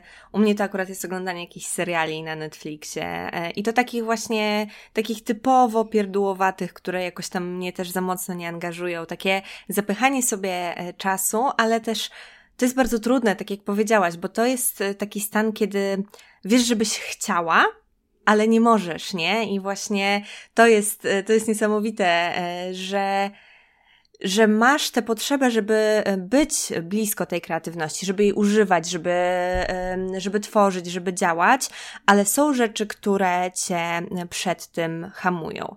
I czy zauważyłaś, jakie to są rzeczy w Twoim przypadku? Co doprowadza e, do takiego stanu? No ja niestety należę do osób, które są e, pracocholikami. Więc mhm. u mnie jest to po prostu zwykłe przemęczenie, przepracowanie, przebodźcowanie wieloma rzeczami, ale też takie zniechęcenie, że za długo coś robiłam, za długo spędziłam czas nad jakimś projektem i który mnie tak wyeksploatował, że ja już po prostu nie daję rady, ja już tego nie będę robić i to jest po prostu koniec e, i ja już rzucam to wszystko. E, najgorsze w tym wszystkim jest zawsze to, że ja jeszcze próbuję, że jeszcze się tak dobijam po prostu, mm, że mm -hmm. dobra, wezmę tą igłę, wyhaftuję, no i e, właściwie biorę igłę do ręki, robię dwa ściegi, chwytam za telefon i przeglądam social media, siedzę na TikToku i robię wszystko inne, bo to tak bardzo mi odpycha i tak bardzo mi to przeszkadza, e, że no nie jestem w stanie robić, po prostu nie mogę. I to jest, e, to jest strasznie nieprzyjemne uczucie tak naprawdę dla twórcy. Tak. Tak, bardzo, bardzo zdecydowanie. No to ja bardzo dobrze też znam tę te, te chęć do tego, żeby jeszcze trochę pocisnąć, żeby jeszcze trochę się dobić, nie? Żeby jeszcze tutaj no właśnie, porobić e, coś, co później sprawi, że e, nie przez e, dzień, ale na przykład tydzień będę musiała odpoczywać. Ja mam też dużą tendencję do tego, żeby się przemęczać. Bardzo trudno jest mi o równowagę w życiu. To jest coś, nad czym bardzo mocno muszę pracować. Ja też żongluję, myślę, że jak wiele osób, które gdzieś kreatywnie działają różnymi sferami. W różnych sferach tej kreatywności używam, w różnych sferach muszę ją, muszę. No tak wychodzi, że ją eksploatuję bo czy to właśnie jest, są media społecznościowe, czy to jest moje indywidualne pisanie dla siebie, czy to jest doktorat, to wszystko e, z tej kreatywności korzysta i naprawdę niezadbanie o, o kreatywność i eksploatowanie jej w tak dużym zakresie niejednokrotnie wpędzało mnie też w taki stan. E, czasem były też inne powody. Pamiętam, że jednym z takich powodów największego e, kryzysu, jaki miałam w ogóle w historii, to było to, że ja zaczęłam się porównywać z innymi, e, że zaczęłam myśleć o tym, że no, skoro jest tyle osób, które tak świetnie piszą i które tak dobrze sobie radzą z wyrażaniem siebie w słowie, to, to po co ja tutaj w tym wszystkim jestem, nie? Że to było takie myślenie, które zablokowało mnie na dobre, nie wiem, z dwa czy trzy lata na początku studiów, kiedy trafiłam właśnie na studia humanistyczne i dużo osób miało podobne uzdolnienia do mnie e, i, i, i czułam, że no, kim ja jestem, nie? I że to też była zdecydowanie taka no, duża i ważna przyczyna, która mnie wpędziła w taki wielomiesięczny kryzys. Ja mm, rozumiem to jak najbardziej. E, że to bardzo mocno wpływa, że porównywanie się do innych to jest w ogóle najgorsza rzecz, jaką możemy zrobić. Nie ma drugiej takiej jak ty. Nie ma, nie będzie, nie było. W ogóle wbijcie sobie to z głowy. Nawet jeśli wam tak. się wydaje, że na jakimś etapie waszej twórczości robicie coś podobnego do innych, to jest naturalne. I to nie jest, jakby nie mówię tutaj o kopiowaniu, to jest zupełnie inny temat, ale chodzi mi o to, że no, inspirujemy się czymś, co nas zainspirowało do zrobienia czegoś. To jest taki tak. prosty schemat, więc e, myślę, że porównywanie się to jest w ogóle krzywda, jaką sobie robimy i wpędzanie się w ogóle w takie poczucie winy, że no nie, no, no przecież ja już nic nowego nie wymyślę. Jak już nie. Gdyby ludzie tak myśleli, to nie powstawałyby e, żadne sztuki współczesne, e, nowoczesne i w ogóle niczego by nie było byśmy cały czas tkwili e, w sztuce średniowiecznej, tak? Więc umówmy się, wszystko czerpie z siebie nawzajem i to jest zdrowe i to jest naturalna relacja i to jest naturalny proces. I tutaj naprawdę każdego, kto słucha i teraz sobie myśli, że no ja już nic nowego nie odkryję, to chciałabym go walnąć w łeb i powiedzieć mu, że tak. spokojnie, tak. twój czas jeszcze przyjdzie. Jeśli nie Dokładnie. teraz, to kiedyś na pewno. Tak, podpisuję się rękoma, nogami, wszystkim pod tym, co powiedziałaś. No bo też przestawienie swojego myślenia na takie właśnie tory, że ja i moja indywidualna wrażliwość jesteśmy tym, co jest zupełnie wystarczające do tego, żeby stworzyć coś nowego, e, że danie tej mojej wrażliwości do.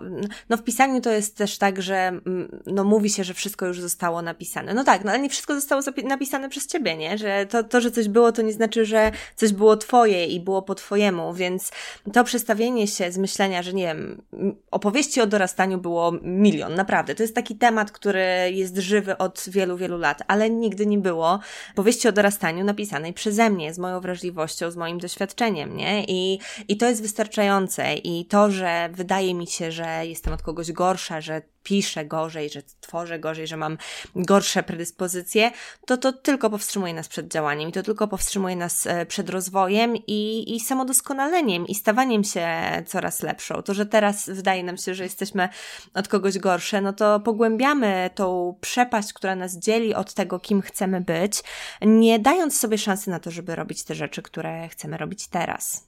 Tutaj w ogóle najlepszym przykładem na to, że ta historia już była, będą e, e, Gwiezdne Wojny, Władcy Pierścieni i Harry Potter. To jest historia dokładnie o tym samym. Dokładnie tak. o tych samych rzeczach. E, ja teraz nie pamiętam, jak nazywa się ten, e, ten schemat tej drogi bohatera, ale w mm -hmm, każdym bądź mm -hmm. razie to jest dokładnie, jak sobie przyjrzycie się historią, to są dokładnie te same historie o tych samych rzeczach, ale napisane w zupełnie innych perspektywach, przez zupełnie inne osoby, w zupełnie innych czasach i zupełnie innych realiach, więc y, naprawdę nie trzeba daleko szukać przykładów, żeby zrobić takie rzeczy. Y, jeszcze tak tutaj, żeby pogłębić to, ten temat, to na przykład seriale y, Przyjaciele i Jak poznałem waszą matkę. Właściwie serial oparty na dokładnie tych samych schematach, napisany przez zupełnie inne osoby, stworzony w zupełnie innych czasach i w zupełnie innych realiach, ciągle ma swoich zwolenników, więc naprawdę na świecie jest miejsce dla każdego twórcy, nawet jeśli wam się wydaje, że robi się dokładnie to samo, co osoba, którą się zainspirowaliście. Dokładnie. I, I tak jak mówisz, ten punkt wyjścia może być podobny, to może być inspiracja, która nas skłania do tego, żeby zacząć coś robić. I okej, okay, może ta praca będzie podobna do pracy, która nas zainspirowała, ale doświadczenie, y, które zdobywamy po drodze, tworząc tę pracę, sprawi, że będziemy mogły tworzyć swoje kolejne projekty, które już będą odbiegały od tego. Więc no, to, to jest naturalne. Inspirowanie się nawzajem sobą jest naturalne. Oczywiście, tak jak wspomniałaś, nie mówimy tutaj o, o kopiowaniu i podrabianiu czyichś rzeczy, rzeczy, ale takie jawne i samoświadome e, podchodzenie do inspiracji jest w zasadzie mm, domeną bardzo wielu dojrzałych twórców, którzy zwyczajnie mówią o tym, no to mnie zainspirowało, tam to mnie zainspirowało i nie ma tutaj żadnego wstydu w tym, że coś nas inspiruje. No właśnie, no na tym też ta nasza kreatywność po prostu polega. No, a wróćmy może w ogóle do ko korzeni. Powiedz, e, dlaczego kreatywne zatwardzenie? Skąd ta, skąd ta nazwa w Twoim kreatywnym słowniku?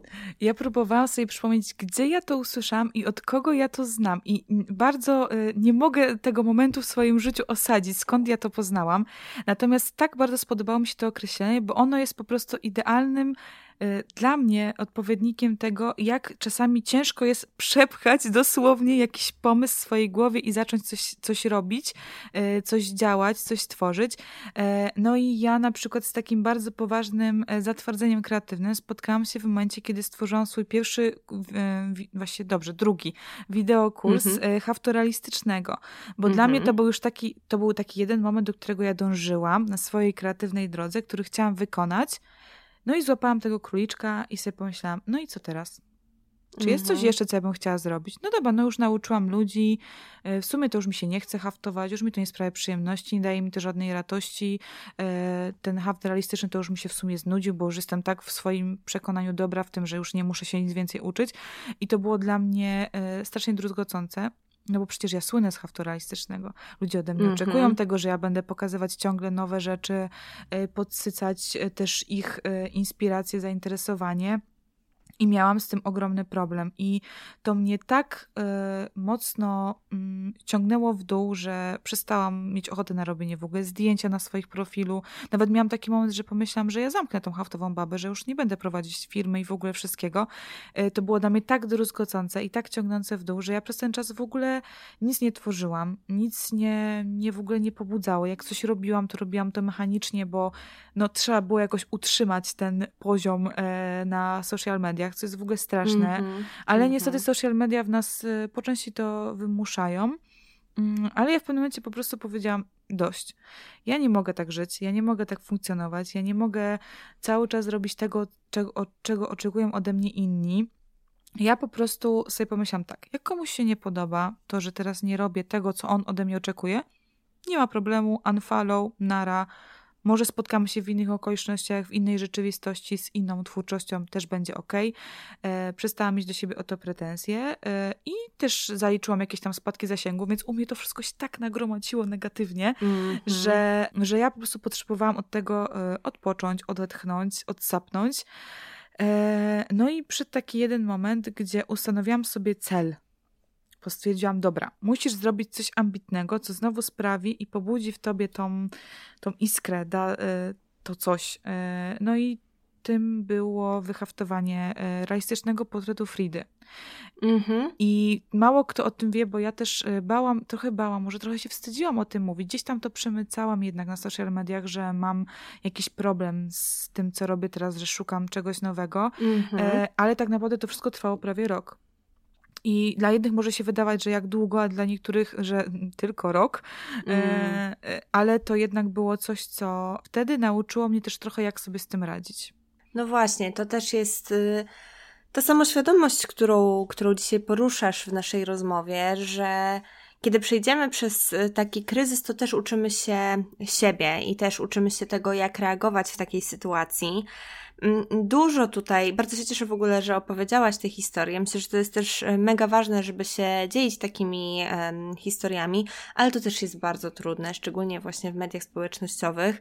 Powiedzenie, że no słuchajcie, mam problem, to co jest esencją mojego bycia tutaj w mediach społecznościowych, no to teraz nie działa. No i co ja mam e, z tym dalej zrobić? I chociaż ja jestem bardzo za tym, żeby się dzielić swoimi trudnościami i porażkami, to też zauważam, jak bardzo to jest trudne, bo w momencie, kiedy jesteśmy w takim dołku, w takim kryzysie, to ostatnim, o czym myślimy, to to, żeby teraz jakąś wielką, obszerną opowieść umieszczać w naszych mediach społecznościowych o tym, jak to nam nie idzie, bo po prostu nie mamy siły na to, żeby robić też to, co nam sprawia przyjemność, opowiadanie o tym, co jest dla nas trudne, no jest jeszcze, jeszcze gorsze. I na pewno jest y, bardzo duża trudność, y, tak jak wspomniałaś, w tym działaniu mediów społecznościowych i tym, w jaki sposób to jest, że one wymuszają ciągłe bycie. Ciągłe bycie, ciągłe e, postowanie, ciągłe przypominanie o sobie e, i, i kiedy się prowadzi taki biznes, no to czuje się też trochę, że człowiek nie ma wyboru, nie? Że musi postować, bo inaczej bez tego ten biznes się nie utrzyma.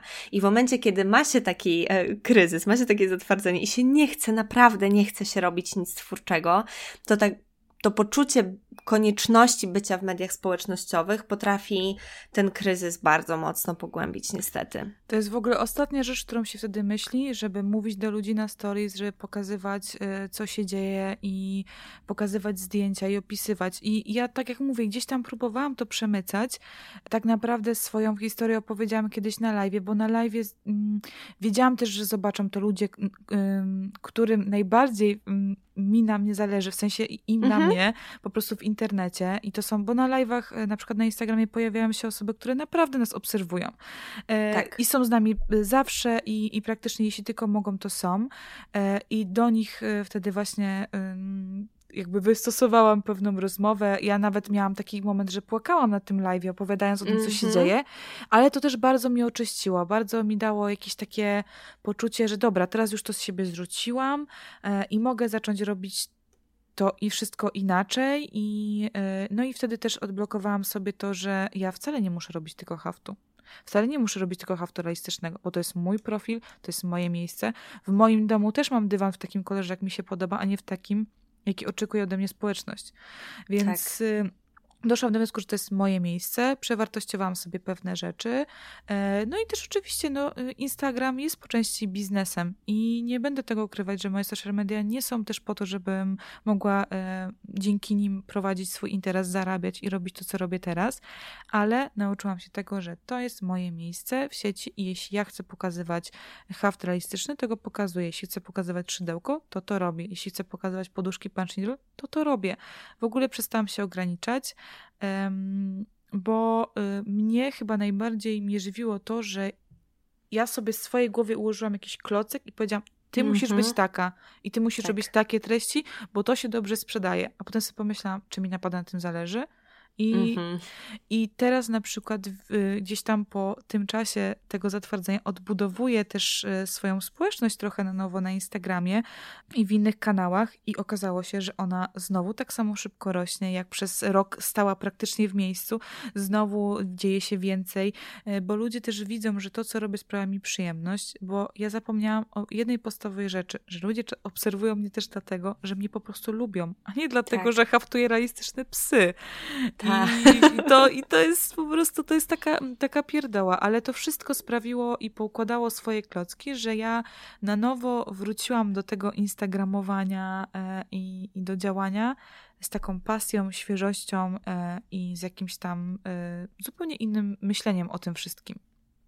Super, super, to zrzucenie oczekiwań, nie? I to jest bardzo często bardzo taka paradoksalna sytuacja w naszej twórczości, że my myślimy, że inni e, czegoś od nas oczekują, projektujemy te, te, te, te w zasadzie swoje jakieś e, oczekiwania, obawy na innych. Myślimy, że jeżeli zrobimy coś inaczej, to się okaże, że ludzie nas jednak nienawidzą i, i że to jest masakra, a w rzeczywistości to jest tak, że no właśnie, bardzo często w mediach społecznościowych po prostu ludzie obserwują nas dla nas, dla naszej energii, dla naszego sposobu porozumiewania się, dla tego, co właśnie my robimy.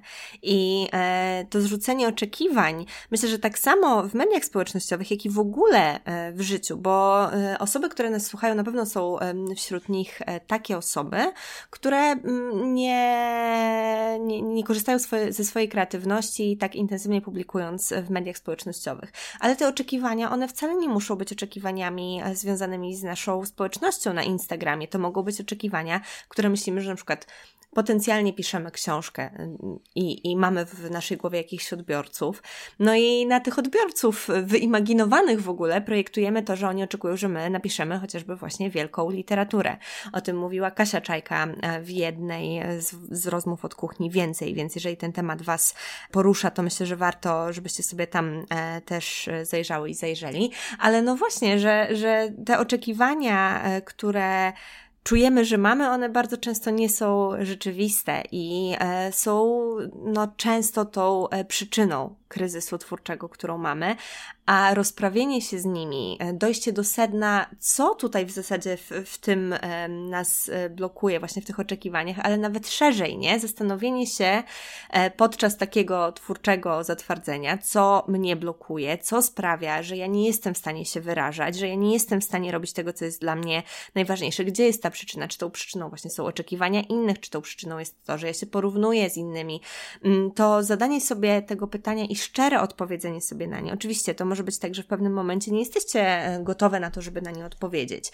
I to też jest okay, e, ale na pewno to zastanowienie się, dlaczego jest czymś takim, co, co może bardzo pomóc w odblokowaniu się. Bardzo często jest też tak, że coś tworzymy, mm, robimy jakieś fajne rzeczy, e, ludziom się to podoba, a nam to nie sprawia przyjemności. I to jest na przykład często problem bo e, tutaj się pojawiają znowu oczekiwania i społeczność, że my musimy jednak to robić ciągle i ciągnąć to, e, no bo tak wypada, ale nie każdy jest wyrobnikiem w swojej własnej firmie, swojej własnej twórczości, tylko często ludzie są takimi wolnymi duchami i ja tak często mam. I ja na przykład, jeśli stworzę jakiś produkt, to ja zawsze mówię, że to może być tylko raz i ja już nigdy więcej czegoś takiego nie zrobię, bo nie będę miała na to ochoty. I zaczęłam żyć po prostu w zgodzie z własnym z własną sobą, z własną twórczością i bardzo, bardzo się cieszę, że się tego nauczyłam, ale jeszcze tylko chciałam słowo powiedzieć a propos oczekiwań społeczności, bo y, u mnie na przykład był, ja miałam taki problem, sobie pomyślałam, że kurczę, ja już mam tak dużo tych obserwatorów, bo dla mnie każda jedna osoba więcej to jest w ogóle niesamowite i mhm. gdyby te 16 tysięcy osób stało teraz przede mną, to chyba bym, nie wiem, y, chyba bym się naprawdę miała mega dużą tremę, żeby do nich mówić. Tak. E, ale to jest dla nas takie bardzo...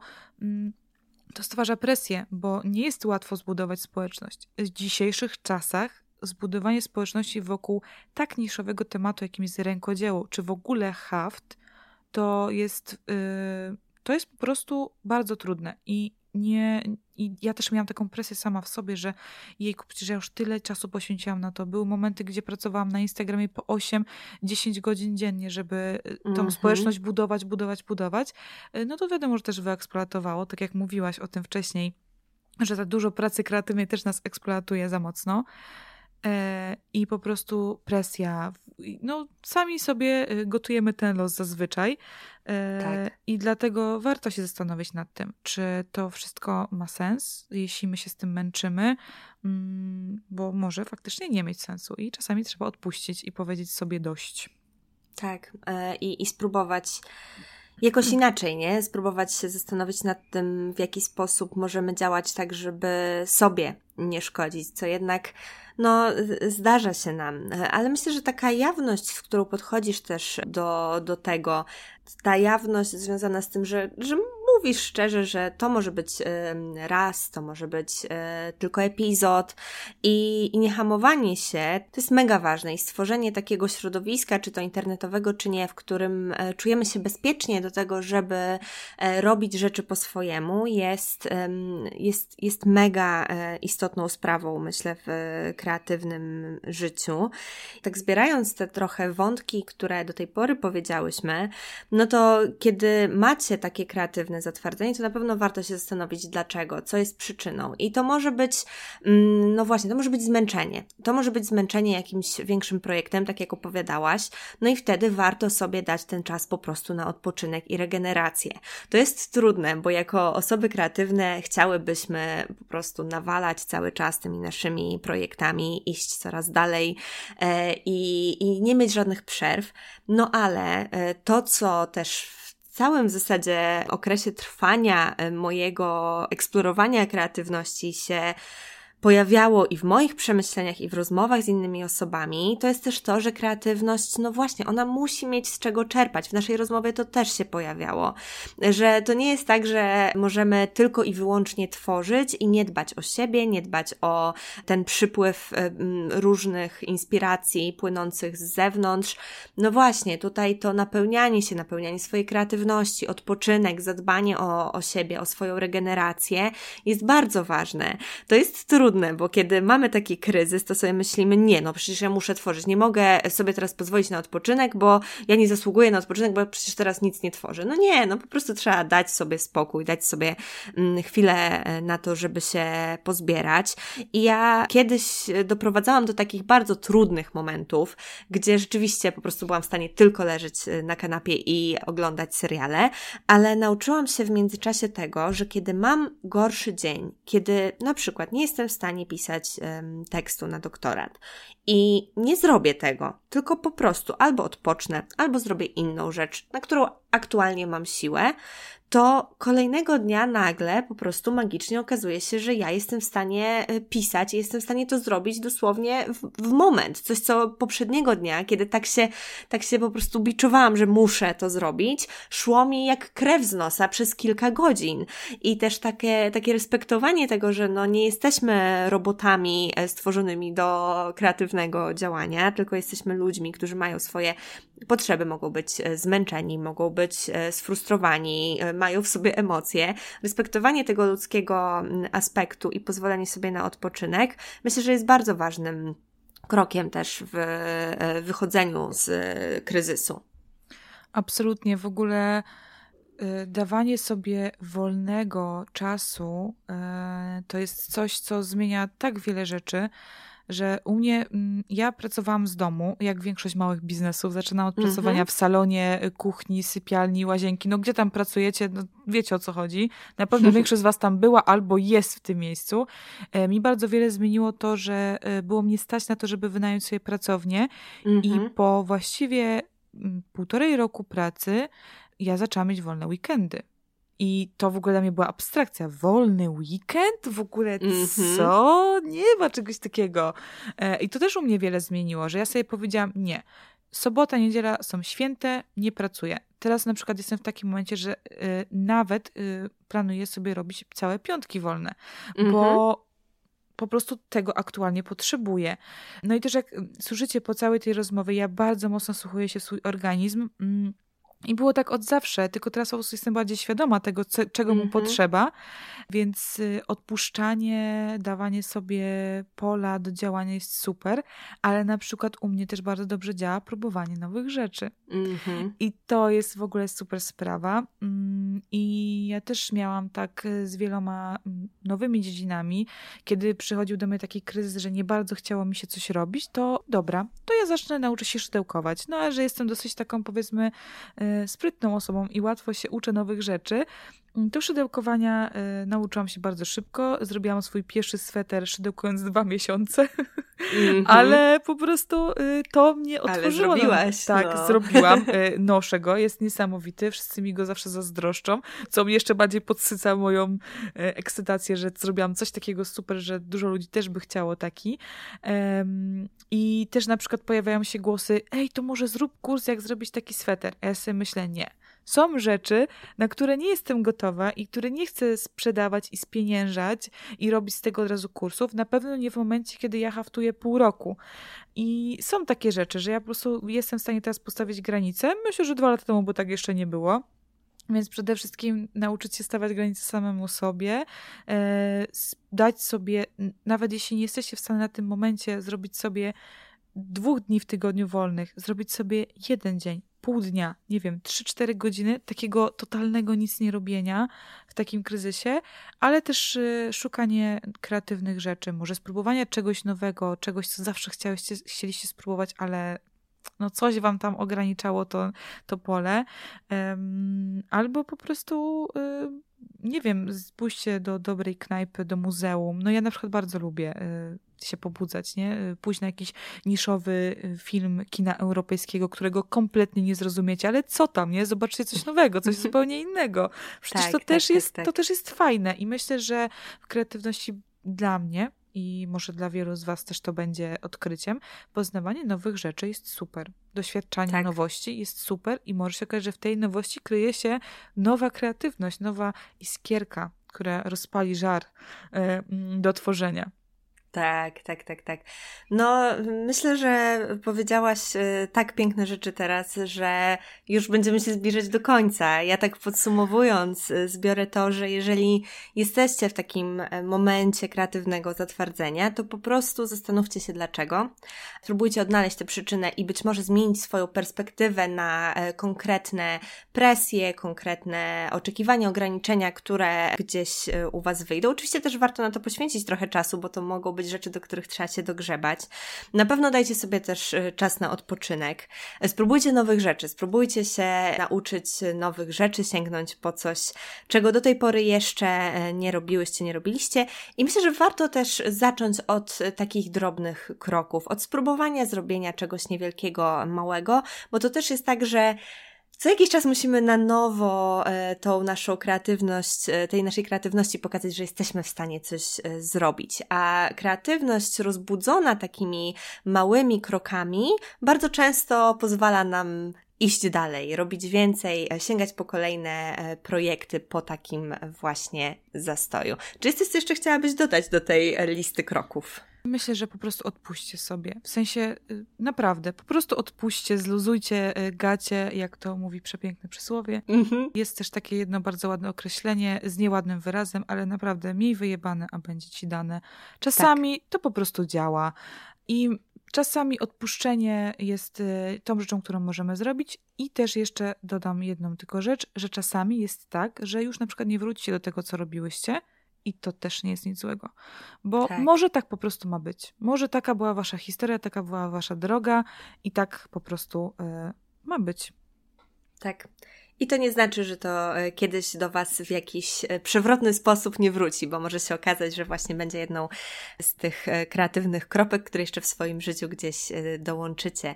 Także tak, dużo luzu, dużo dawania sobie spokoju Wam życzę, szybkiego wychodzenia z kryzysów. Podpisuję się pod wszystkim, co powiedziałaś. No i na koniec standardowo poproszę Cię o powiedzenie, gdzie możemy Cię znaleźć w internecie. Jeśli wpiszecie sobie w Google hasło Haftowa Baba, to wyskoczą Wam moje wszystkie social media, bo jestem e, najprężniej oczywiście na Instagramie.